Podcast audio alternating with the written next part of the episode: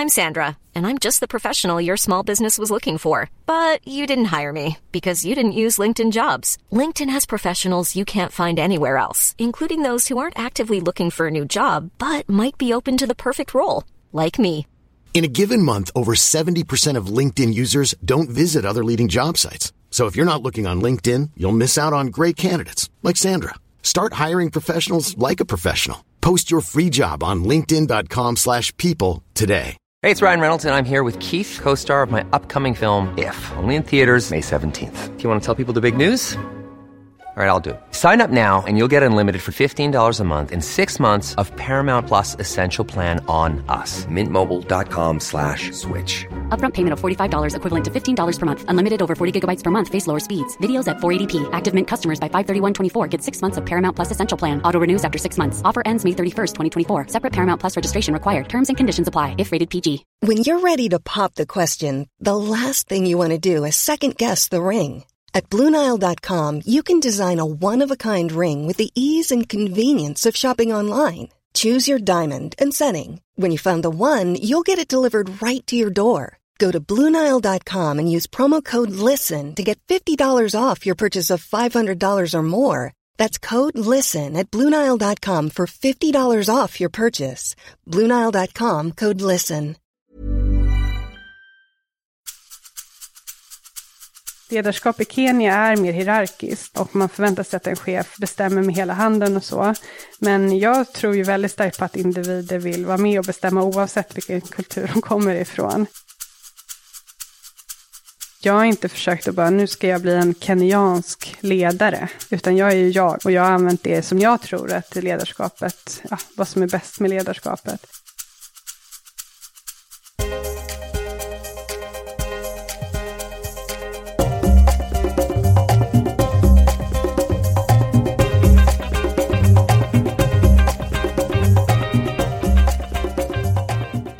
Hej och varmt välkommen till Karriärpodden. Nu är det dags för nytt avsnitt och det ska bli så spännande att få träffa dagens gäst som är förra årets vinnare av Framtidens kvinnliga ledare och en av supertalangerna som Veckans Affärer utser. Hon heter Lina Jorheden och är landschef i östra Afrika för Atlas Copco och bor i Nairobi. Men jag hade turen att få träffa Lina när hon kom hem till Sverige för lite semester. Och Lina har verkligen gjort en internationell karriär inom en och samma koncern. Hon är ekonom i botten och har jobbat för Atlas Copco i Luxemburg bland annat, där hon var ansvarig för att bygga upp en internbank och också som ekonomichef i Tanzania. Så här lät en del utav nomineringen förra året när Lina blev utsedd till årets framtida kvinnliga ledare. Med ett inkluderande chefskap har hon förändrat företagskulturen och fördjupat kundkontakter, vilket resulterat i nöjdare medarbetare och en bättre marknadsposition. En hög energinivå, tydlighet och framförallt mod är framgångsreceptet. Okej, det här måste vi höra mer om, eller hur? Och så innan vi startar så vill jag som vanligt tacka mina samarbetspartners Blocket Jobb och Stepstone som gör det möjligt för oss att göra Karriärpodden. Och du, du har väl inte missat att kolla in min nya satsning som startas nu? Women for Leaders, ett nätverk och ledarskapsprogram för kvinnor. Gå gärna in och likea oss på Facebook för att se också vad vi har på gång. Men nu så, nu sätter vi igång. Nu kör vi!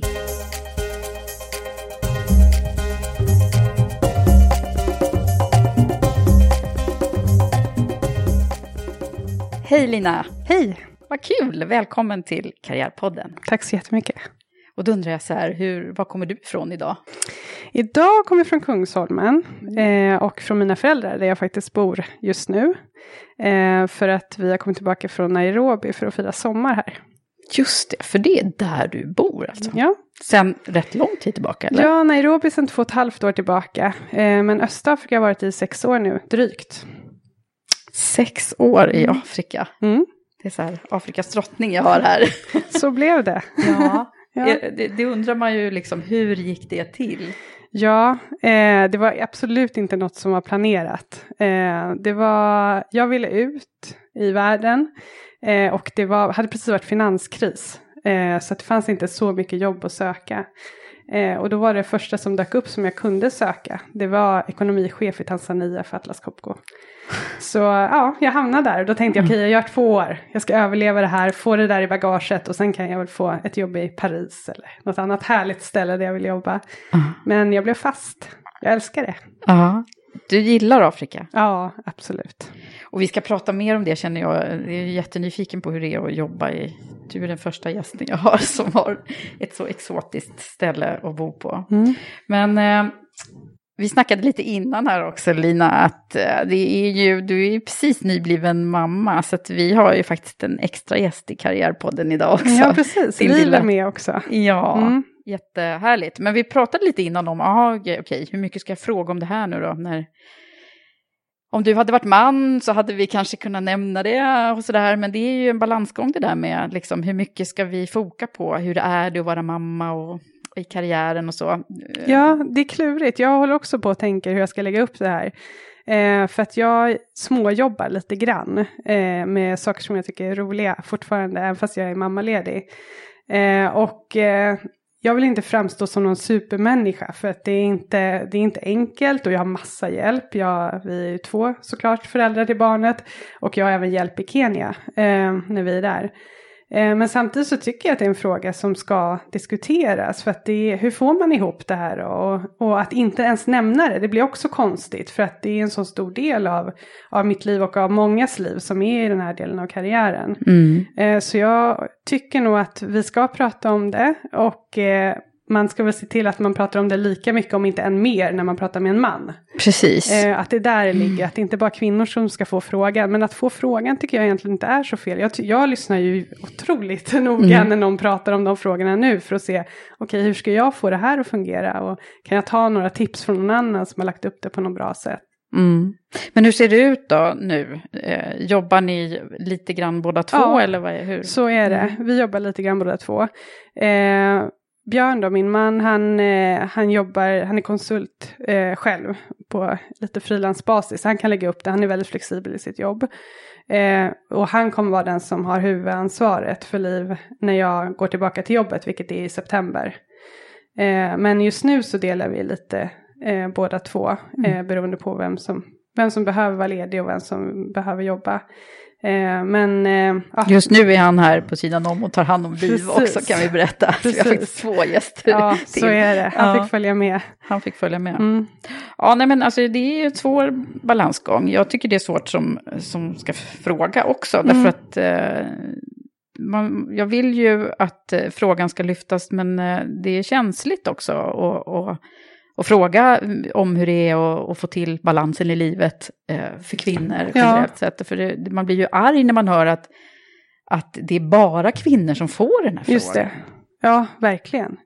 Eh, ja, och det, man måste ju vara lite försiktig runt det där. För att jag vill in, ja, som sagt var inte att det ska diskuteras bara med mig. Det är en ännu större grej, just när det gäller mig och Björn så är det en större grej för honom. För att vi är i, i Kenya på grund av mitt jobb.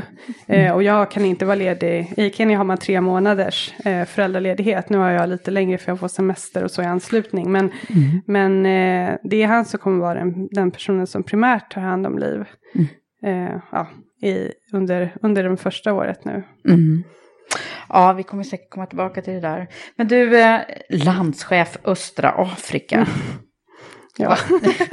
liksom, ja, vad är det för land? Vad, vad, vad, gör man då på Atlas Copco, det stora ja, svenska bolaget? Precis, jag, jag jobbar på gruvsidan av Atlas Copco. Det finns eh, fyra affärsområden och jag jobbar för den som, som jobbar inom gruv och anläggningsindustrin heter det.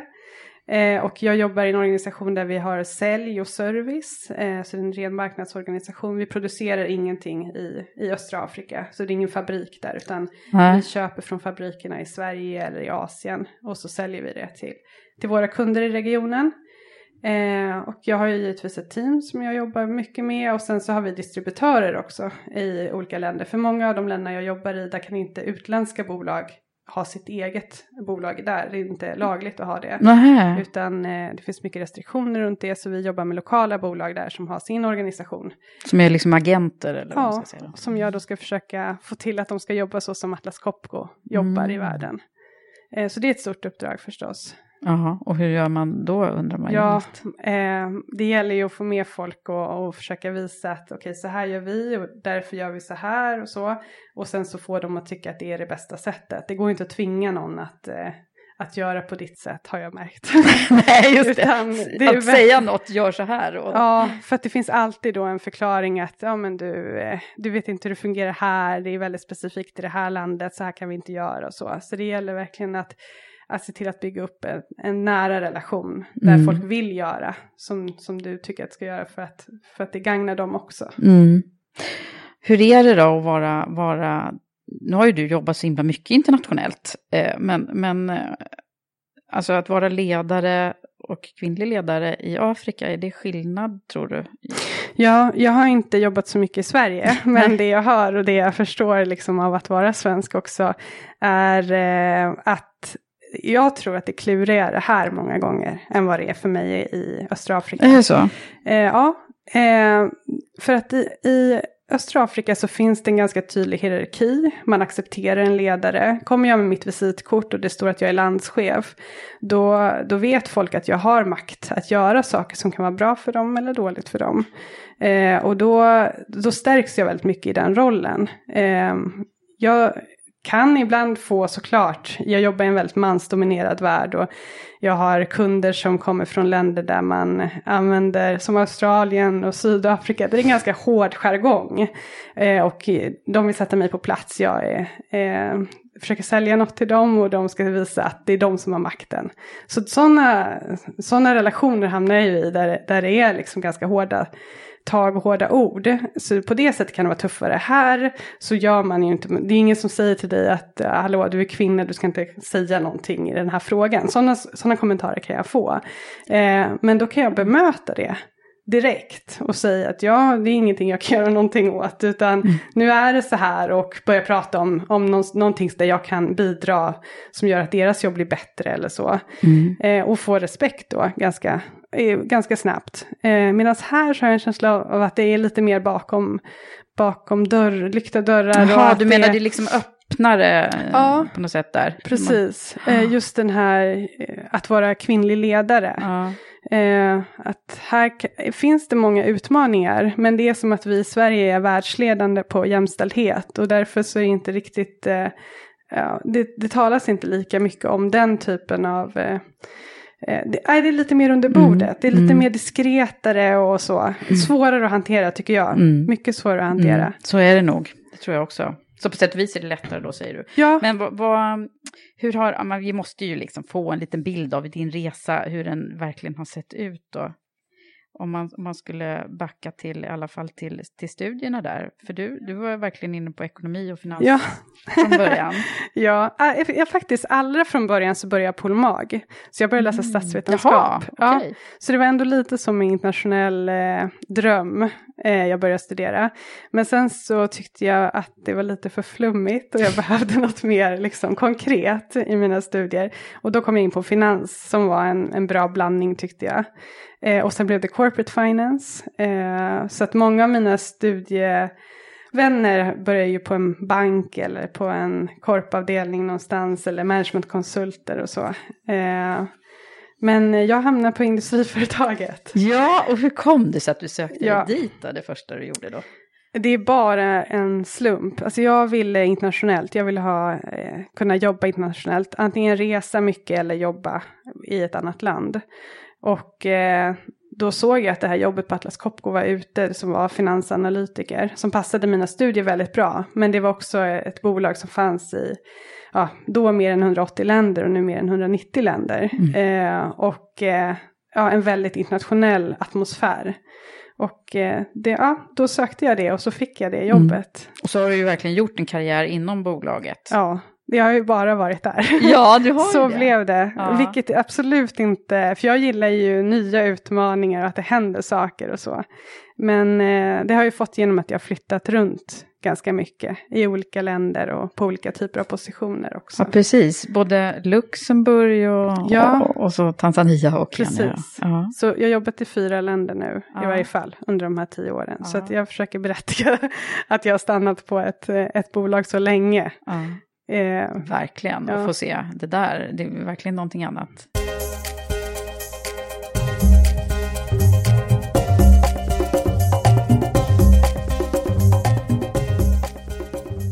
Men du Lina, hur, hur är det egentligen att att bo och leva i Nairobi? Jag som inte kan ens föreställa mig hur det skulle kunna vara. Det är superhärligt tycker jag. Eh, jag har precis förlängt mitt kontrakt med två år till. Ah. Eh, så att det kommer i varje fall bli fem år där.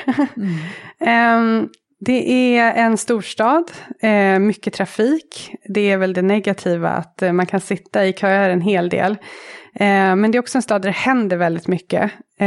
Det, utvecklingen går väldigt snabbt. Man, är, eh, man kallar det för Savannah Valley, för Silicon Valley, men det här är savannen då. Det är mycket appföretag som startas, det är många små hippa kaféer. Ehm, det är inte alls som jag tror många tänker sig, eh, utan det är det är full fart. Eh, och det är himla kul att jobba i en stad och ett land där det faktiskt händer så mycket vad det gäller utveckling. Mm. Bara för, ja, när jag flyttade till Tanzania för sex år sedan, då, då var internet jättedåligt. Eh, ja, så det gick inte att skypa så bra hem till exempel. Och, så. Och nu som sagt var, det startar appföretag i, i varenda litet hörn. Mm.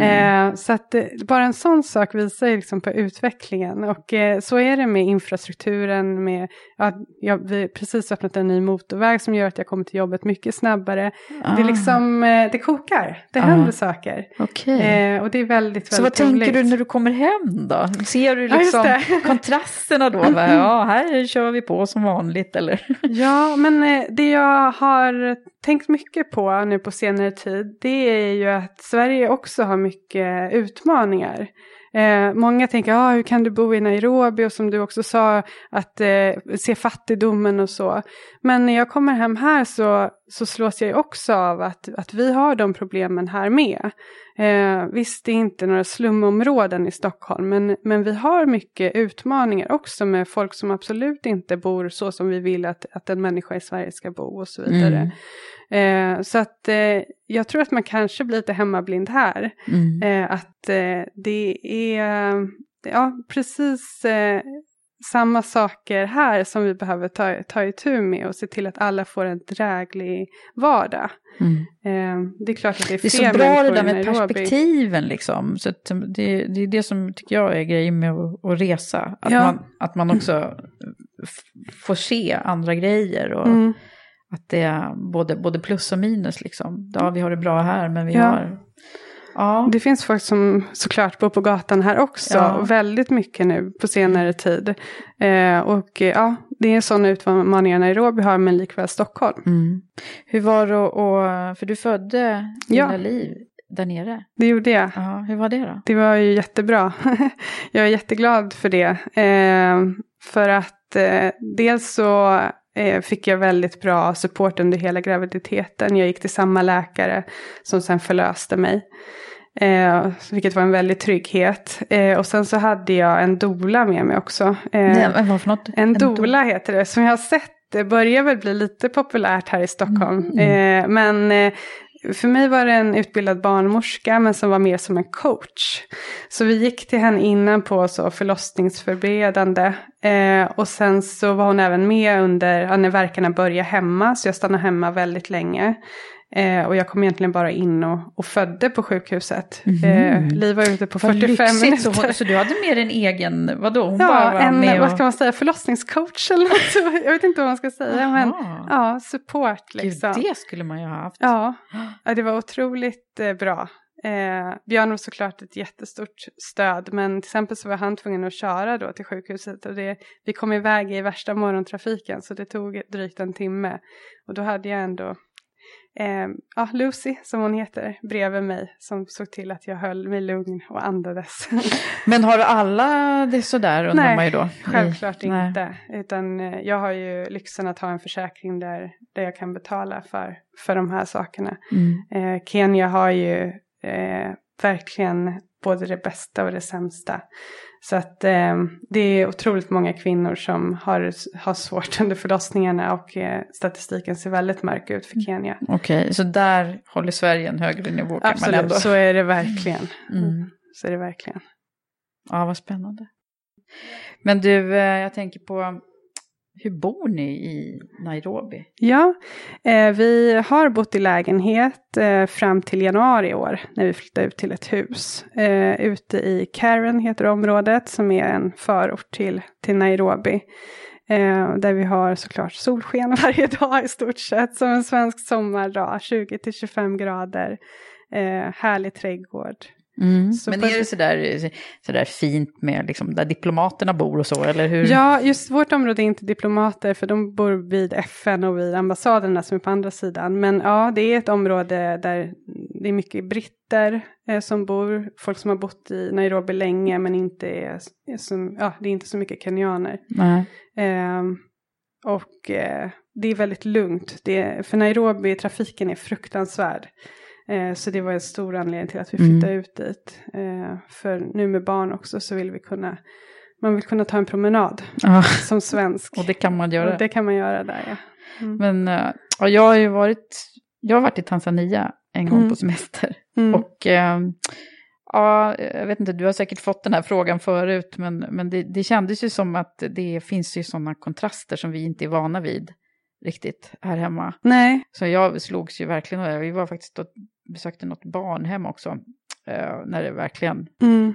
ja det blev, kändes så konstigt att bo på fint hotell själv när man såg hur, hur det var Ja, eh, runt omkring. det där är ju såklart var mer i början. För att tyvärr så blir man ju nästan lite blind för vissa saker Mm. så småningom. Eh, hur jag försöker hantera det är väl att eh, jag också är involverad i en NGO, en biståndsorganisation, eh, P-People. Eh, Just det, det läste jag om. Vad är det för någonting? Ja, det är en svensk uppfinning eh, som är som en engångstoalett. Det är alltså en påse där man gör sina behov. I den påsen så finns ett ämne som heter urea och det tar hand om eh, det som är farligt i avföringen. Och sen kan man använda de här påsarna till gödsel.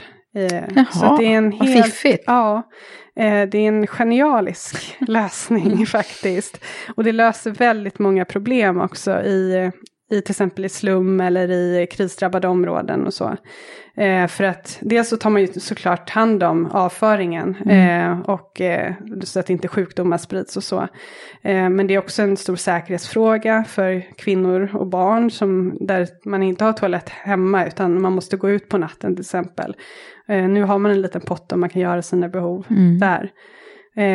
Vi har 20 000 barn, skolbarn, som använder den här lösningen i skolorna där det inte finns plats för toalett. Eh, så att det är en otroligt, eh, ja det är en eh, helt sustainable solution som man säger, där det verkligen, man tar tillvara på det, man löser problem, man tar också tillvara på, Mm. på det som, eh, som produkten. Vad, vad gör du i den här organisationen? Jag sitter med i styrelsen för Kenya, eh, för den organisationen i Kenya och eh, där är jag också treasurer. Eh, men försöker jobba nära nu med teamet i, i Nairobi. Mm. Vi har lite workshops och försöker få fram hur vi ska kunna Okej. göra det här på ett bättre sätt och rulla ut det till fler människor.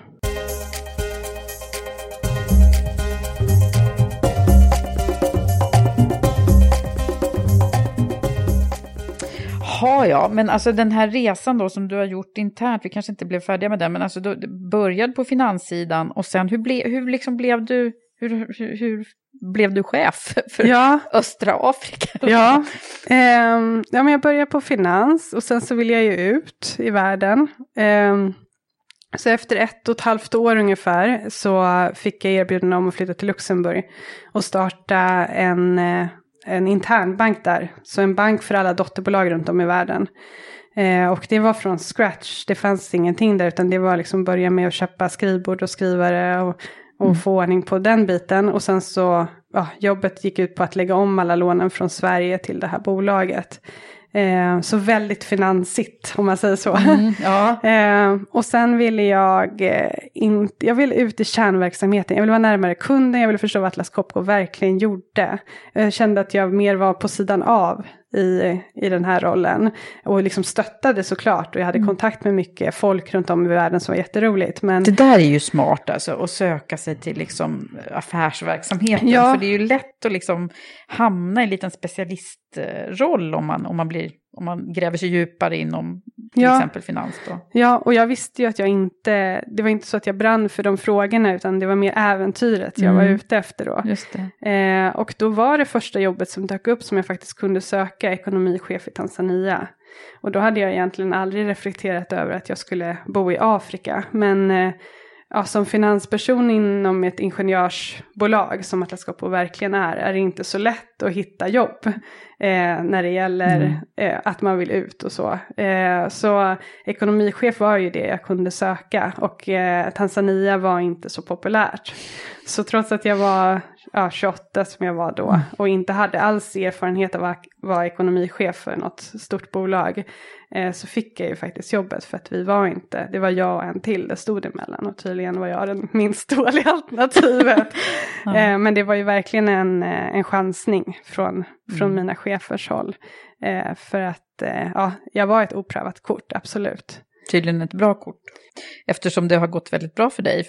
Det var, till exempel förra året så var det ju väldigt mycket brus kring dig. Ja, det Ja, var roligt såklart. När du blev utsedd till ja, nummer ett på framtidens kvinnliga ledare-listan som ledarna Ja, gör. ja, det var roligt. Det, det, var, det var verkligen så att du blev kändis över en natt nästan. Ja, i varje fall den, runt den perioden. Eh, ja, just när man inte jobbar i Sverige och man får vara med om, om något sånt där. Det är ju väldigt roligt att få komma hem och, eh, och ja, träffa alla människor och få prata om frågor som man tycker är intressanta. Precis, men sen är det ju inte bara den listan. Sen ju, har du ju varit på, på Veckans Affärers Just det, eh, supertalang.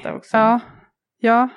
Eh, jag antar att eh, när man gör saker som sticker ut lite så, så är det lättare att hamna på de här listorna. Och det är lite så med Tanzania-jobbet också, att ja, det var inte så många andra som ville. Man får liksom hitta de där öppningarna. Eh, I varje fall om man är kanske lite yngre och eh, inte har så mycket erfarenhet. Men så från ekonomichef i Tanzania, hur gick det sen då? Ja, och då var det ett ganska nytt bolag där nere. Eh, så det fanns inte så mycket rutiner och eh, det fanns inte så mycket folk överhuvudtaget. Eh, vilket gjorde att jag fick ju hugga i lite här och där. Man fick jobba där, där det behövdes helt enkelt. Eh, och lärde mig väl väldigt snabbt mycket tycker jag. Just för att man, man utsätts för allt möjligt. Eh, och var i många diskussioner med kunder direkt. Även om jag var ekonomichef så var det en så pass viktig roll i bolaget att jag, jag var med i, i försäljningsskedena också. Och insåg väl att det här är ju ännu roligare än att hålla på med siffrorna. eh, och eh, ja, ganska snart så började jag prata med min chef om att jag skulle vilja jobba ännu mer med försäljningen. Ehm, och gärna också få mer strategiskt ansvar. Eh, och det tittade vi på och försökte hitta någon lösning för. Och sen så blev jobbet i Kenya ledigt. Eh, och eh, ja, då flaggade jag för att det här Du sa det själv. Mm. Ja, Mm, du blev inte liksom upphittad.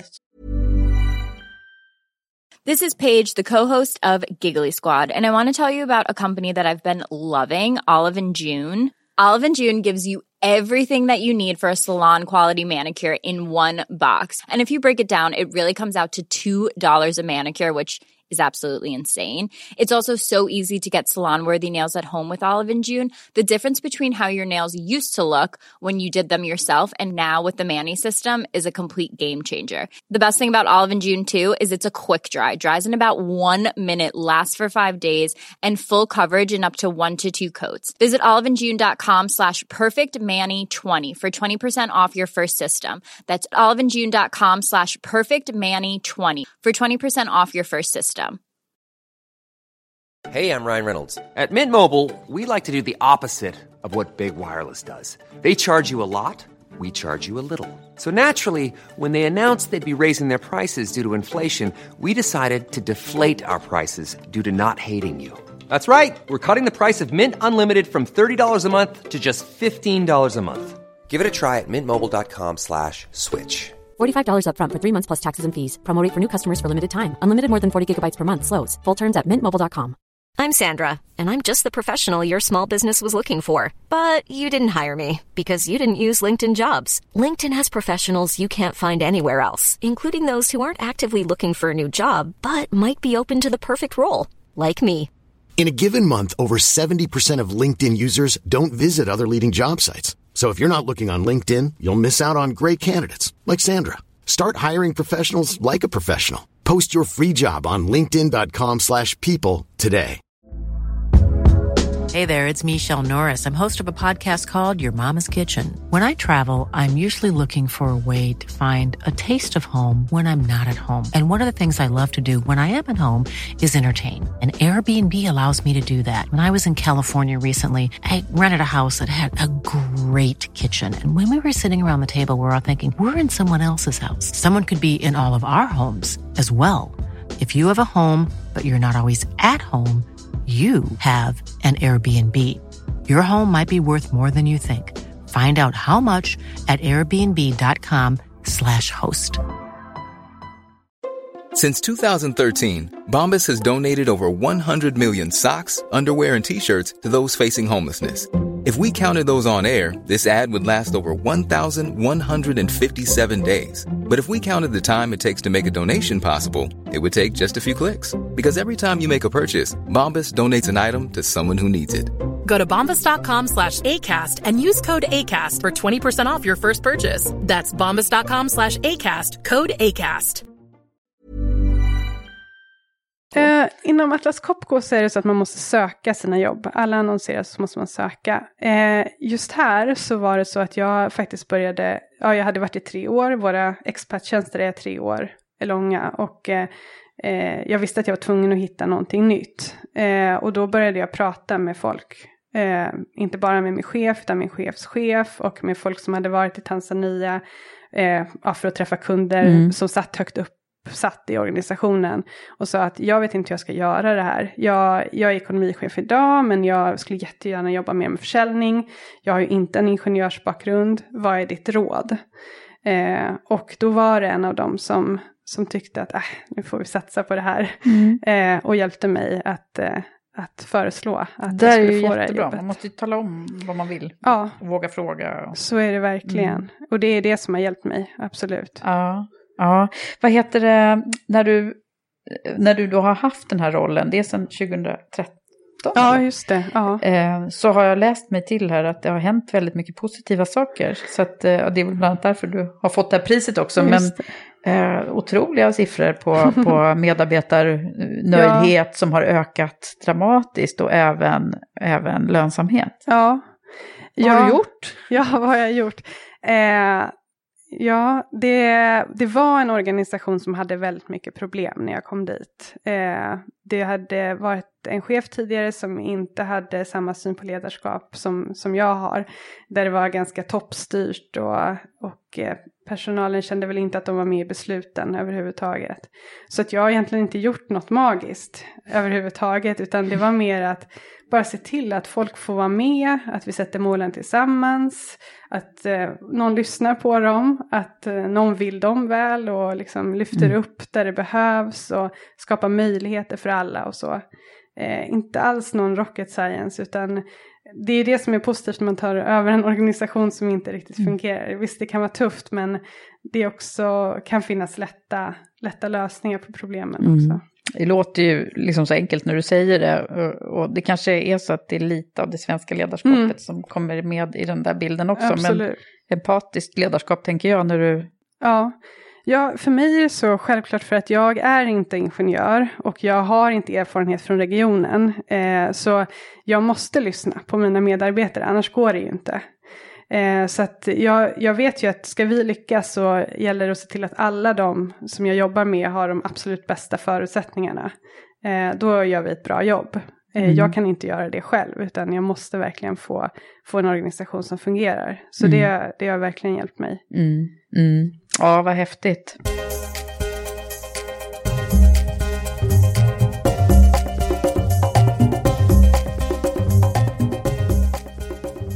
Men om man nu skulle försöka förstå sig på då vem personen är bakom, det är ju alltid det jag vill Ja, nysta lite i som du vet. Ja. Eh, vad, vad, vem, var du, vem är du från början liksom? Hur är du Ja, uppvuxen? Jag växte upp i Täby med en syster och i en kärnfamilj med mamma och pappa. Eh, jag var En lilla syster eller? En lilla syster, fyra år Okej, Då har vi yngre. stora syster här igen då ja. Ja, Mm. ganska mycket stora syster i, i min personlighet säkert. Ja. Mm. Eh, och var inte någon tuff tjej i skolan direkt utan ganska, ja, tyckte nog att eh, det var viktigt att få rätt på proven till exempel. Eh, och eh, sportade mycket. Eh, jag gick idrottsklass på högstadiet och jag var fotbollstränare ganska när jag var ung och sådär. Så den, på det sättet har nog ledarskapet funnits, funnits med. Mm. Och sen har jag försökt reflektera över, trots den här lite mesiga framtoningen i skolan, att jag ändå gör saker. Mesiga framtoningen. Ja, faktiskt. eh, men eh, jag har ju alltid velat göra, eh, ja men inte som alla andra gör. Ah, Eh, det har funnits en sån längtan. Ja, så tidigt var jag liksom och skulle, ja men, inte, inte välja mittfåran så att säga. Så pluggade i, i Bryssel på, eller på gymnasiet och ja, har varit iväg, jag var i Kanada också under, under studi- Aha, ja, så studierna. du fick liksom den här längtan utåt Ja. tidigt då? Ja, Mm. eh, Hur kommer det sig då? Är det, har du någon som du har tagit rygg på där i Nej. familjen eller? Nej, mina föräldrar har aldrig bott utomlands eller så. Men eh, faktiskt så var de iväg på ett expatuppdrag här nu. De har precis kommit hem från Indonesien, från Jakarta. Så de blev lite inspirerade av mig istället. Jaha! ja. Men vad jobbar de med eh, min pappa jobbar på AGA, som är granne här Ah. med dig nästan. Bredvid mig? Mm. Ja. Eh, så de var iväg där och min mamma kunde fortsätta jobba på distans eh, Okej. medan de var där. Och vad jobb, jobbar hon med då? Hon jobbar med löner med SAP, Mm. så det kan man göra. Bara man har en dator. Just det, Mm. just det. Jaha, alltså de blev inspirerade av dig. Det är Ja. roligt när man kan gå åt det hållet också. Absolut. Men hur var det, eh, det här med stora syster säger du? Vad, Mm. vad är det som är, vad lägger du i det? Ja, men lite ordning och reda och eh, liksom eh, vill gärna bestämma eh, och göra det på mitt sätt. Eh, och eh, ja, men kanske lite det där att våga också. Att, eh, att ta steget och, och testa lite. Ehm, även fast det känns läskigt så ja, man är väl stor nog att man ska klara av det och så gör man det ändå.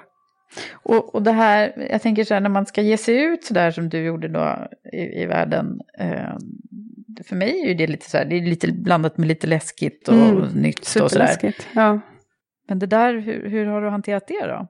Eh, jag Om du inte var så varit- kaxig tänker jag, så, Ja. så hur får man ihop den här bilden liksom? Men jag har ju varit livrädd, absolut. Eh, när jag kom till Tanzania första gången då och skulle börja jobba, då eh, jag landade sent på kvällen och jag åkte till hotell där, där jag skulle bo, och så skulle min chef komma och hämta mig på morgonen och jag kräktes hela natten. Jag var så nervös.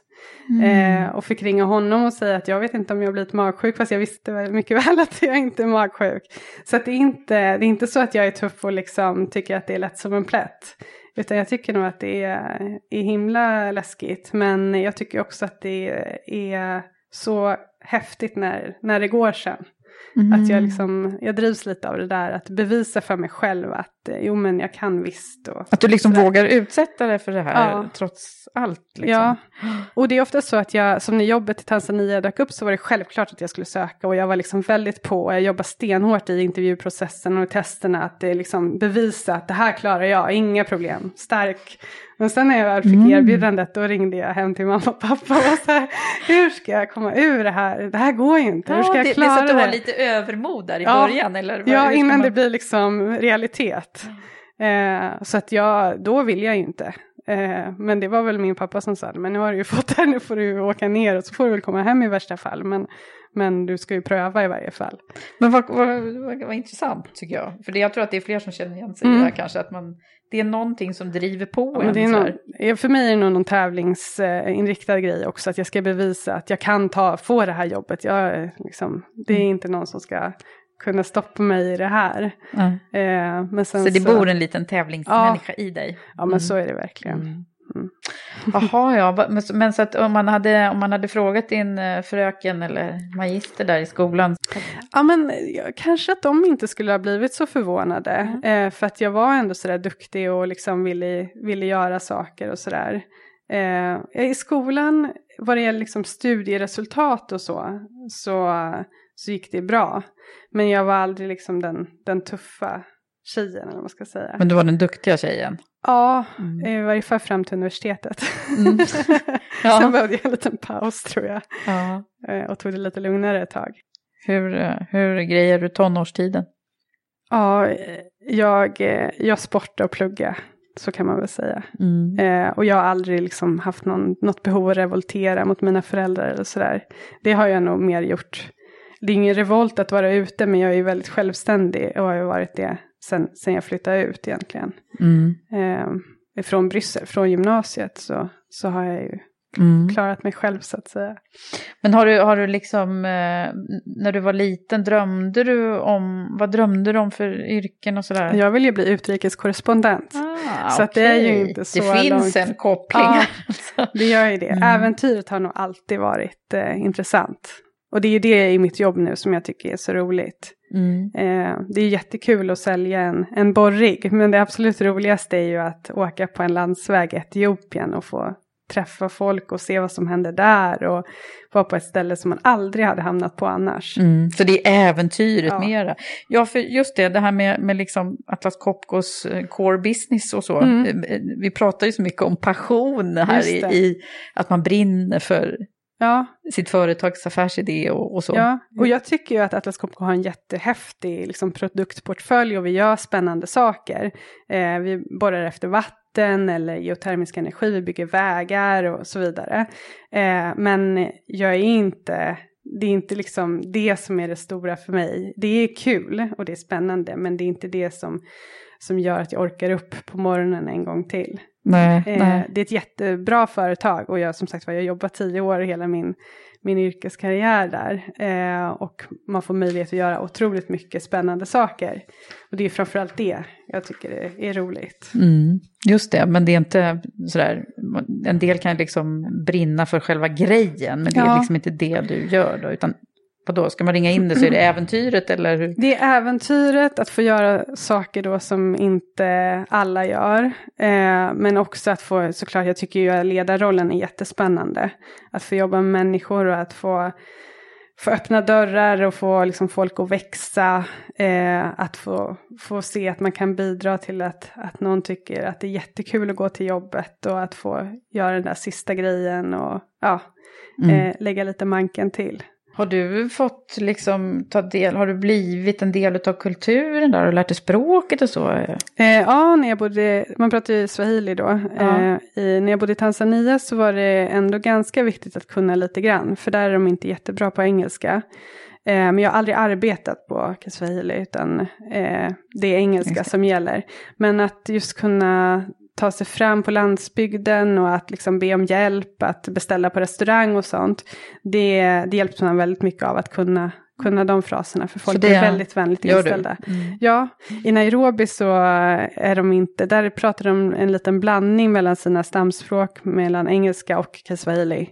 Så att det är inte så lätt för mig att hänga med alltid. Eh, men eh, eh, är man ute på landsbygden så är det väldigt användbart. Har du, har du fått vänner och så? som- Absolut. Mm. Och Nairobi är ju en, eh, en väldigt eh, det finns en stor medelklass och det är en, väldigt, en stad där det händer mycket. Eh, så där är det ju lätt att få, få vänner Mm. eh, som, är, ja, som är som du och jag. Liksom. Mm. Tanzania, där är det större klyftor. Eh, och det finns inte en jättestor medelklass än så länge. Så där är det lite knepigare. Så det är, liksom, det är lättare att bo i?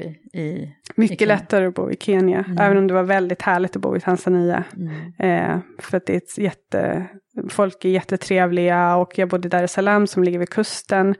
Eh, så det, ja, det, man bor i en strandstad, Mm. vilket är superhärligt. Just det.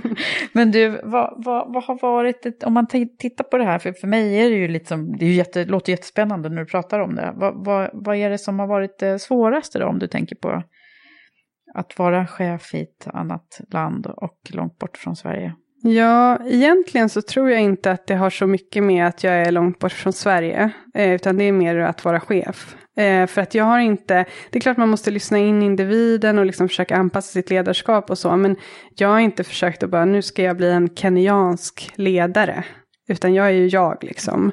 Och jag har använt det som jag tror att ledarskapet, eh, vad som är bäst med ledarskapet. Eh, och sen så har jag fått anpassa per individ, men det skulle man göra i Sverige också. Det finns vissa som vill bli ledda väldigt nära och andra som vill bli lämnade i fred och så vidare.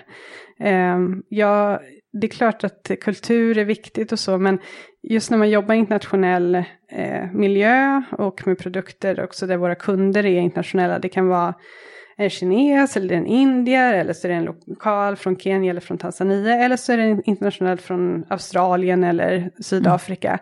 Det är liksom, det hade man gjort här hemma också om man hade hamnat i den miljön. Mm. Eh, och eh, visst, eh, ledarskap i Kenya är mer hierarkiskt eh, och man förväntar sig att en chef liksom bestämmer med hela handen och så. Men jag tror ju väldigt starkt på att individer vill vara med och bestämma oavsett vilken kultur de kommer ifrån. Mm. Eh, och det är så vi, vi jobbar i min organisation.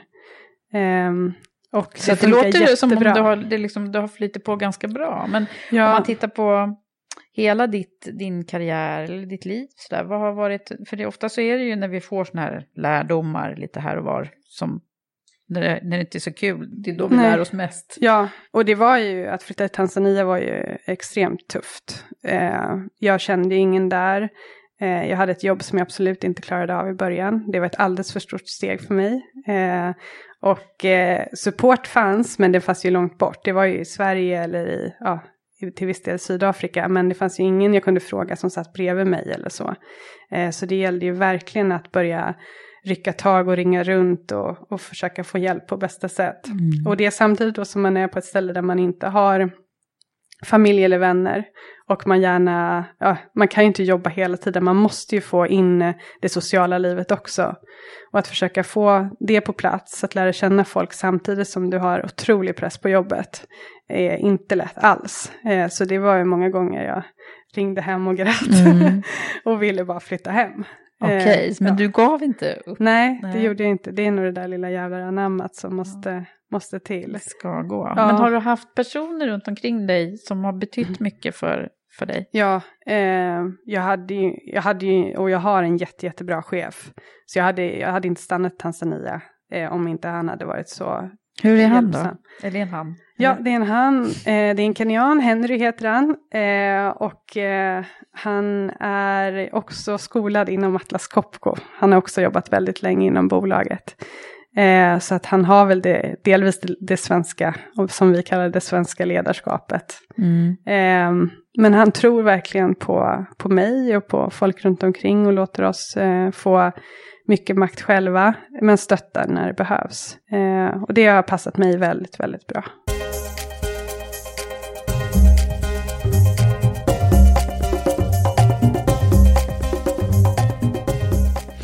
Men du Lina, har du haft några, vi pratar mycket om förebilder här i podden.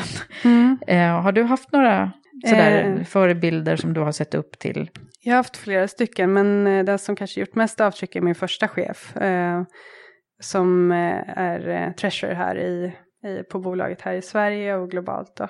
Och han hade en väldigt, eller har fortfarande en väldigt kreativ ledarskapsstil skulle jag säga. Han vill hela tiden göra saker bättre och jobbar ihop med teamet väldigt mycket. Och det har jag tagit med mig och gör mycket med mitt team också. Eh, och han trodde på mig från första början. Han lät mig vara med i alla möten. Eh, fast jag var helt ny så satt jag mm. med CFO på Atlas Copco och diskuterade kapitalstrukturen och hur vi skulle göra utdelningar och väldigt så mm. eh, strategiska frågor för en finansperson. Så han var liksom inbjudande och lät dig ja. bara ja, var med på. Precis, ja. och eh, så lärde jag mig väldigt snabbt saker. Eh, så det är ju en sak som jag verkligen tror på och gör, gör med mina medarbetare mm. också väldigt mycket. Jobbar ni med liksom eh, interna mentorer och sånt eller kör ni externa program? Ja, vi har en del externa, eller om man, som jag var med i Veckans Affärers och ja, eh, mm. mentorprogram då. Men det var ju jag som frågade om jag fick, fick vara med i det. Eh, det finns nog liksom mer eh, ut, eh, ute i organisationen finns det fler eh, program. Men det är inte så globalt sammansatt. Nej. Nu har vi ett kvinnligt eh, mentorprogram sedan några år tillbaka.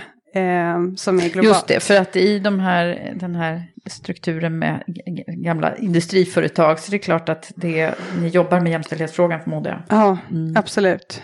Um, och, och det har väl blivit bättre och bättre. Uh, men det är ju fortfarande så att det är väldigt få kvinnliga chefer. Mm, just det. Ja, där har vi lite kvar att jobba på. Men det gör vi ju här i Karriärpodden om inte annat. Men du, om man nu skulle titta på så här, vad, vad, vad eh, jag undrar om vi ska faktiskt ta den här skicka vidare-frågan på en gång nu. Mm. För att eh, det var ju min förra gäst, Anna Kinberg Batra, som, som var här Och hon eh, var ju nyfiken nämligen på en fråga som jag också brukar ställa, så att jag tänker att jag väver in den här nu. För hon, jag, jag läser den nu. Mm. Eh, hon var nyfiken på vilk, vilket vägskäl eller vilka i livet som du minns och som avgjorde att du, att du liksom valde det du gör idag. Mm. Finns det någon sån här tydlig grej? Ja, men Tanzania är ju en sån grej såklart. Eh, för att annars hade jag aldrig hamnat i Östafrika och jag hade nog aldrig hamnat i försäljningsroll heller. Eh, jag hade ju väldigt lätt kunnat fortsätta i, i Luxemburg och inom finansbanan. Eh, eh men sen så är det nu också att börja jobba på Atlas Copco, för det var ju absolut inte givet när jag studerade.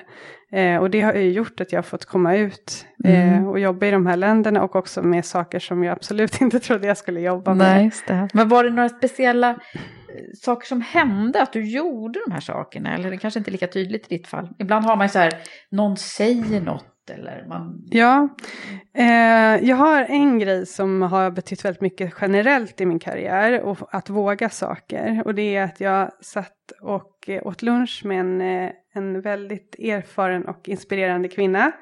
Eh, och eh, visste inte riktigt hur jag skulle göra. Jag hade börjat jobba på Atlas men ville ut. Men visste inte hur jag skulle göra det. För att jag såg ingen annan som var som jag. Nej. Ingen annan Apropå kvinna. med förebilder. Ja, mm. och ingen annan med ekonomibakgrund. Ingen annan så pass ung som var ute och gjorde sådana saker som jag tyckte verkade spännande. Eh, så jag förstod liksom inte hur, hur jag skulle få den möjligheten. Mm. Vi började diskutera och eh, eh, det här med ekonomichefsjobb kom upp, att det vore ju logiskt att, att få ändå. Eh, och så sa jag, men hur ska jag klara det? Och då sa hon att, ja men om din chef tror att du klarar det och din chefschef tror att du klarar det, vem är du då att ifrågasätta det? För du tycker ju att de är väldigt duktiga på sina jobb och har bra omdöme. Och det där har jag tagit med mig väldigt mycket. Att ibland när jag tappar liksom tron på mig själv eh, och när jag inte kan hitta styrkan inom mig som man hoppas på att man ska ha, men ibland så har man inte. Mm. Då tänker jag på det där att ja, men han eller hon tror ju på mig. De tror att jag klarar av det och de är otroligt kompetenta människor. Så får jag väl lita på det då nu. Just det, när man själv lite. är sin värsta domare. Ja. Sådär. Ja. Eh, så det bra. har faktiskt varit ett, ja för mig har det funkat väldigt bra att tänka så. Mm. Eh, Bra sagt där av den ja. här personen. Mm.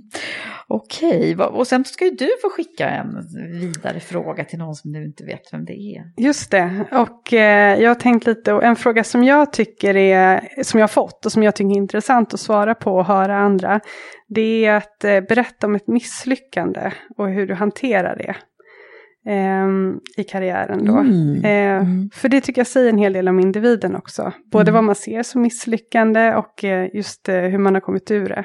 Just det. Mm. Och då undrar man ju genast. Ja, för mig. måste ju du svara många, på den Många också. grejer, men en, ett stort misslyckande man ska säga, som jag haft är när jag kom till Tanzania och blev chef för första gången för, eh, för fler människor. Eh, då ja, jag koncentrerar mig väldigt mycket på min egen arbetsuppgift. Eh, jag var väldigt inne i att ah, det går snabbt och lätt att göra det här själv. Så jag delegerar inte eller jag involverar ingen annan för det kan jag fixa. Eh, och ja, jag var ingen bra chef helt enkelt. Eh, verkligen inte. Och eh, min organisation funkade men, men det var verkligen inte tack vare mig. Eh, och det lärde jag mig otroligt mycket av. Mm. Så att mm. när jag kom till Kenya så gjorde jag ju precis tvärtom. Ah. Jag började med, jag sket i vad jag själv skulle göra tänkte jag säga. Men ah. ja, jag började med att sitta ner med alla, en och en. Och försöka förstå deras jobb och eh, vad deras utmaningar var. Vad de tyckte var bra och dåligt, hur organisationen fungerade. Eh, och vi hade sådana där one-on-ones eh, regelbundet. Eh, så jag jobbade egentligen bara med teamet i början. Och sen började jag liksom mm. sätta mig in lite mer vad min roll skulle vara och så. Mm. Eh, ja, och Smart det funkade det, mycket man bättre. behöver ju köra ner, lite ner i diket ibland för att ja, fatta det där. Absolut. Det är ju liksom en sak att läsa sig till i ledarskapsböcker ja. eller gå kurser eller något. Ja. Men det är en annan grej att verkligen göra det. Så är det. Mm. Ja, vad bra. Bra lärdom där. Du, sen så, så har vi ju lite här, nu har du redan fått ur dig lite tips, men jag tänkte ändå att eh, du skulle få, få säga de här grejerna som du vill skicka med till, till andra, som du har ja. lärt dig utöver det. Eh, det som har funkat för mig då är mina tre grejer. Ja. Ja. Eh, det är att säga ja. Mm. Eh, och be om hjälp om det behövs. Men eh, ja, skit i om du inte tror att du klarar det. Säg ja och sen så ser du till att du har folk runt omkring dig som kan hjälpa dig. Um, det är det där med liksom lite hybris då? Ja, precis. Mm. I början i varje fall. Mm. um, och sen så att förstå vad som driver dig. Uh, och uh, försöka få till ett jobb då som, som passar det. Och då är det många som driver för, precis som vi pratade om tidigare, vad bolaget gör eller vad organisationen har för syfte och så. Men för mig har det varit äventyret. Och det, att liksom få prova på nya saker, att få göra saker som inte alla andra gör och så vidare. Och det kan ju också vara sånt som, som passar en. Mm. Eh, det tredje, att eh, våga vara tydlig, att säga vad du vill eh, och att eh, dra lite trådar och inte vara så, så rädd för det. Eh, att, eh, att våga mejla någon person eller våga ringa någon person och berätta att oh, jag skulle vilja göra det här, har du något tips? Hur, hur kan jag få göra det? Just det, det var det du gjorde ja, också. och det, det vågade jag egentligen inte. Mm. Men det var också folk runt omkring mig då som sa, men vad har du att förlora? Nej, men nu har man ingenting att förlora såklart. Nej. Det är ju så verkligen. Ja. ja. Vad roligt det var eh, att få prata med dig, Lina. Jättekul. Och få höra mer om eh, det här spännande ställena du håller till på. Tack så jättemycket för att du var här. Tack själv. Tack.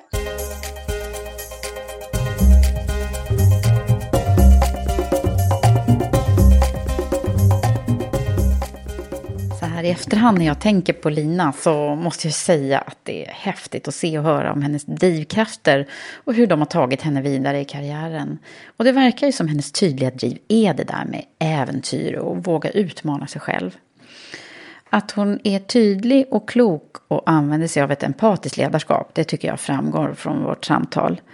Det är kul med personer som också vågar göra något annorlunda och inte gå med strömmen, eller hur? Bra jobbat Lina! Avslutningsvis så vill jag förstås som vanligt tacka mina samarbetspartners Blocket Jobb och Stepstone som gör det möjligt för oss att sända och publicera Karriärpodden. Snart sommar, men inte riktigt ännu. Vi kör på i Karriärpodden och Women for Leaders lite till. Så ha det nu så bra så hörs vi snart igen. Hej så länge!